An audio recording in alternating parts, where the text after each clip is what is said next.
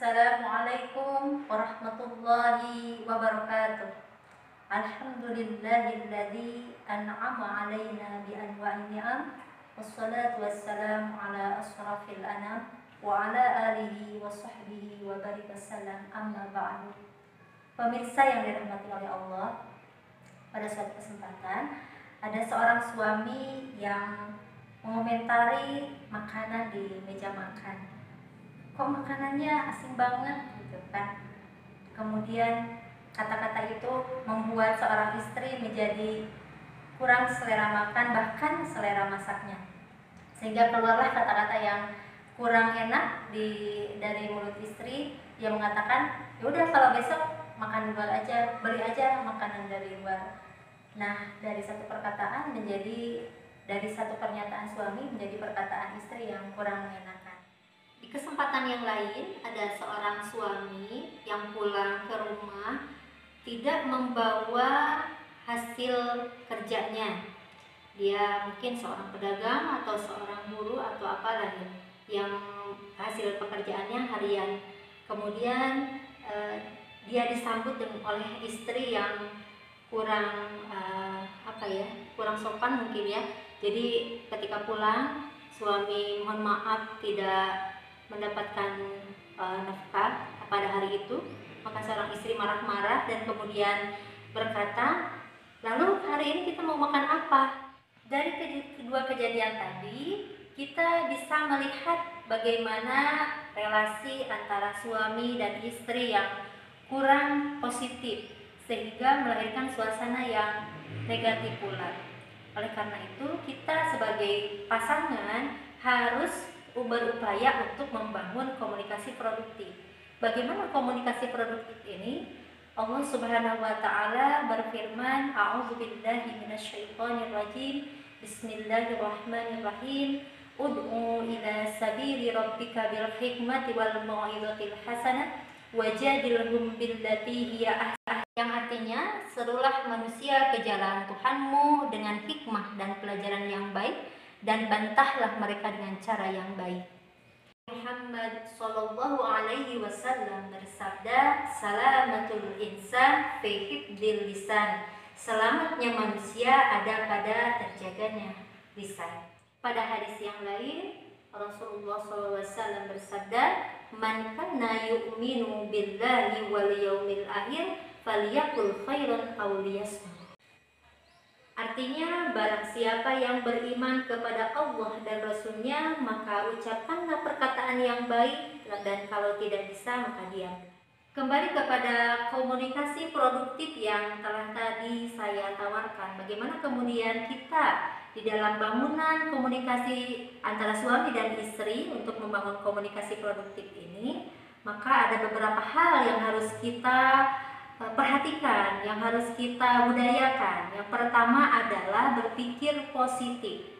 Tadi di dalam ayat dalam Al-Qur'an surat An-Nahl ayat 125 ada kata-kata bil hikmah.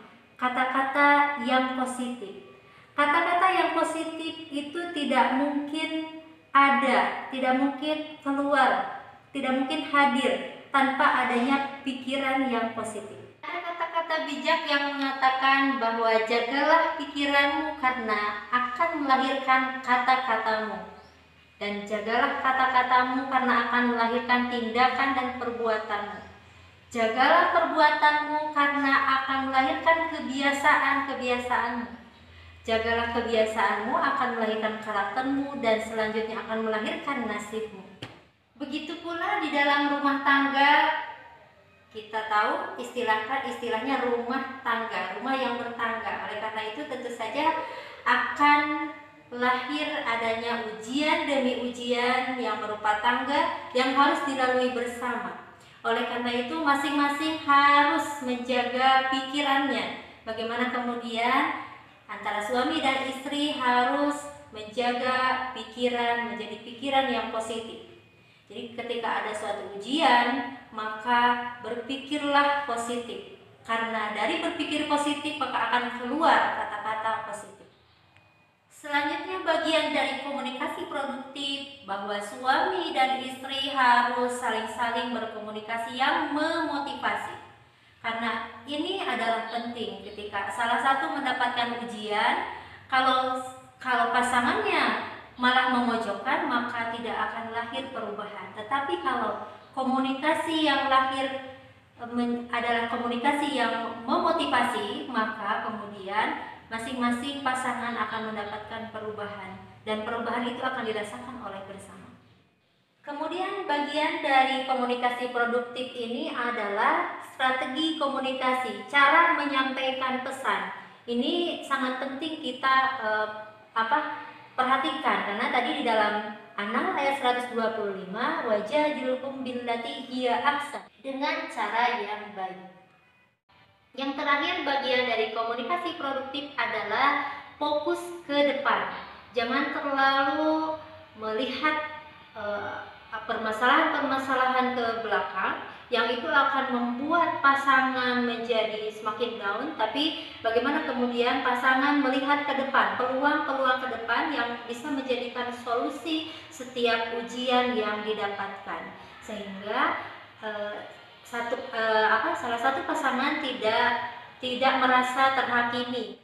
Untuk mendapatkan suatu solusi dari setiap masalah yang kita dapatkan tentu saja kita eh, apa harus memintai pendapat kepada pasangan. Ini yang terkadang terlupakan dari sebuah bangunan komunikasi antara suami dan istri. Dikisahkan dulu Umar bin Khattab itu diberikan pendapat oleh istrinya, tetapi dia membantah. Jadi istilahnya diam, jangan ikut campur. Mengapa Umar bin Khattab demikian? Karena budaya Arab pada waktu itu memang belum menganggap perempuan sepenuhnya ada. Kemudian istri Umar bin Khattab mengingatkan, Hei, wahai ibnu Khattab, tanyalah kepada putrimu yang beliau adalah Hafsah itu adalah istri Nabi Muhammad SAW. Tanyalah kepada putrimu, apakah putrimu ditanyai pendapat oleh Nabi Muhammad SAW? Ternyata ketika Umar pergi ke kamar Hafsah dan bertanya, bagaimana?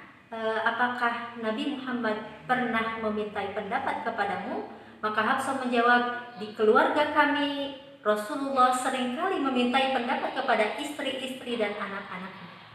Oleh karena itu, kalau kita ingin menjalin komunikasi yang baik terhadap pasangan kita sehingga dari komunikasi ini terjadilah hubungan baik uh, dengan pasangan kita, maka kita harus memperhatikan komunikasi produktif. Komunikasi produktif itu dimulai dari berpikir positif, berpikir solutif dengan kata-kata yang positif, kemudian dengan kata-kata yang memotivasi, kemudian disampaikan dengan cara yang baik. Demikianlah tadi apa yang dapat saya sampaikan. Wallahu yarhamuna birrahmah. Wassalamualaikum warahmatullahi wabarakatuh.